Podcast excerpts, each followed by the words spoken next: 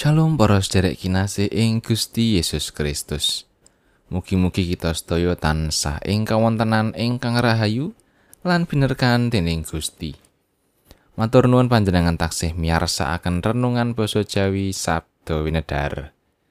Ing dinten menika kita badhe ngraos-ngraosaken pangandikanipun Gusti saking Rum bab sekawan ayat setunggal ngantos kalih welas.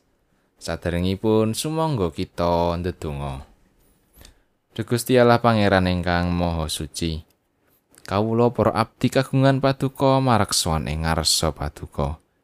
Ngaturaken panuwun syukur awit berkah paduka tansah luber ing gesang kawula. Duh Gusti sakmenika kawula ugi badhe nampeni berkah karohanen saking paduka. Mugi paduka piyambak ingkang paring pepadang lan bikak manah kawula. Satemah kawula mangertosi kersa paduka lan kawula tindakaken ing gesang sadinten-dinten. Paduka ugi mugi kersa ngapunteni menawi taksih kathah dosa lan kelepatan ing tumindak kawula. Matur nuwun Gusti, wonten ing asmanipun Gusti Yesus Kristus kawula ndedonga. Haleluya amin. Waosan saking serat Rom bab sekawan ayat setunggal ngantos kalih welas. Serat Rum bab sekawan ayat setunggal ngantos kalih welas. Romo Abraham kabenerake awit saka pracaya. Kang iku apa kang bakal dak kandhakake tumrap Romo Abraham? Leluhur kita munggu ing daging. Sebab yen Romo Abraham anggone kabenerake marga saka pandamele, panjenengane bisa gumunggung. Nanging ora ana ing ngarsane Gusti Allah. Sebab apa kang kapratelakake ing ayating kitab suci? Romo Abraham banjur percaya marang Gusti Allah. Lan iya bab iku kang kaetang dadi kabeneran tumrap panjenengane dening Gusti Allah.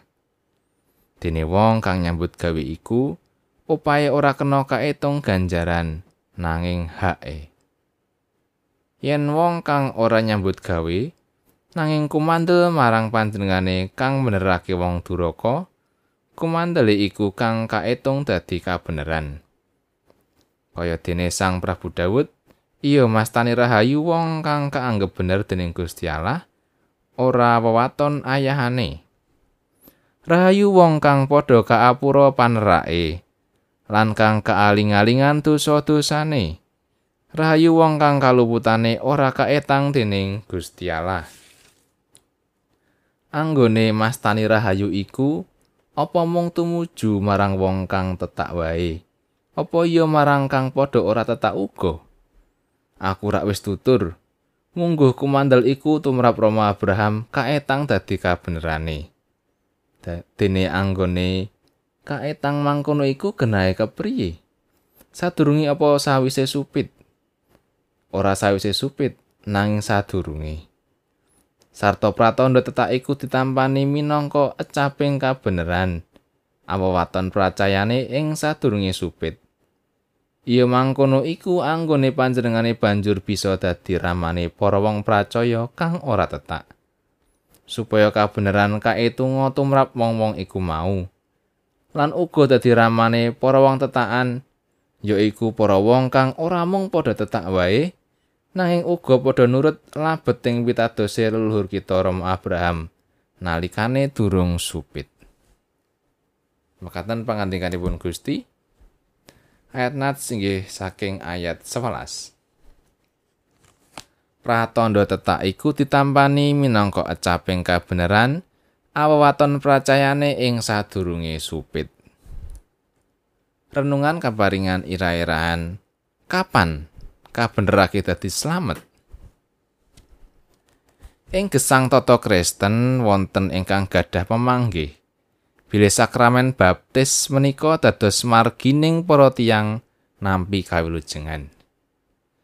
Mila yen wonten tiyang ingkang dereng utawi mboten kabaptis, tiyang wau dereng utawi mboten nampi kawilujengan peparingipun Gusti Yesus.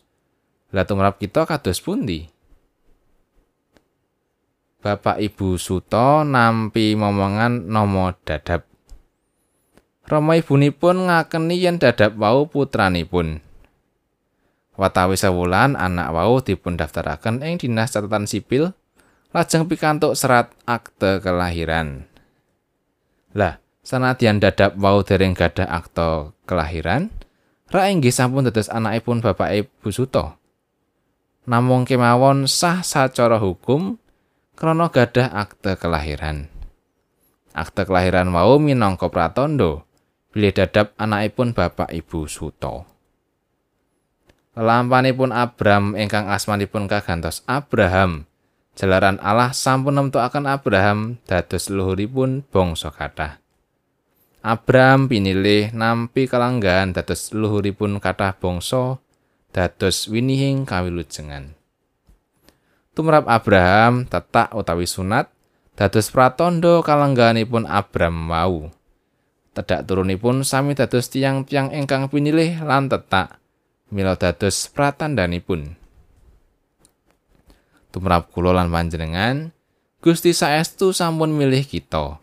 Sampun miji kita nampi kawilujengan. Pepilihanipun Gusti tumrap kita ateges kita dipun benerake. Kabenerake.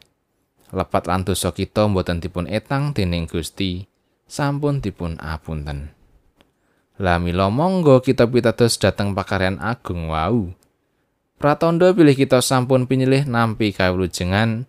Pratondo pilih kita pitados inggih menika sakraman baptis. Rahayu dene kita sampun pinilih lan dipun leresaken. Lepat lan dosa mboten dipun etang dening Gusti lan sampun kapratan dan baptis. Amin.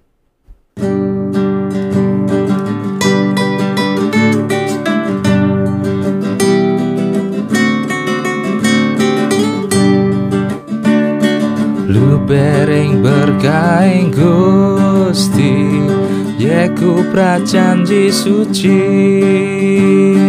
Urip mulya aning swarga Pinaringken sang putra Berkaing Gusti.